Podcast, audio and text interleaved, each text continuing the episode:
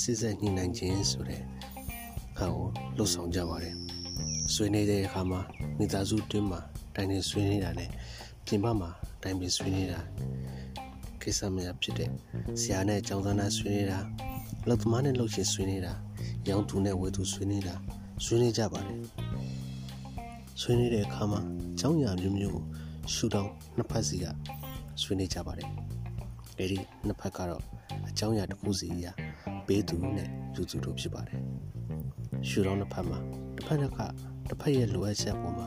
ညှိနှိုင်းကြပါတယ်အဲလိုညှိနှိုင်းတဲ့အခါမှာအခြေအနေအကြောင်းအရာကိုလိုက်ပြီးတော့တစ်ဖက်ကပေးသူကအမြင့်ဖက်မှာညှိနှိုင်းတဲ့အနေအထားရှိသလိုတစ်ဖက်ကယူသူကလည်းအမြင့်ဖက်မှာညှိနှိုင်းရတဲ့အနေအထားလည်းရှိပါတယ်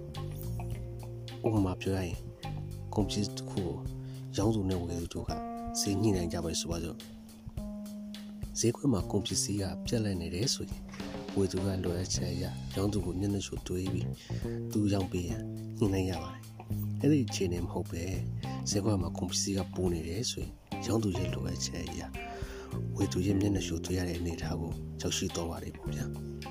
အဲ့ဒီဥပမာပေးတဲ့အနေအထားတစ်ခုပဲရှိပါသေးတယ်ကျင်နာတွေကအများကြီးရှိပါသေးတယ်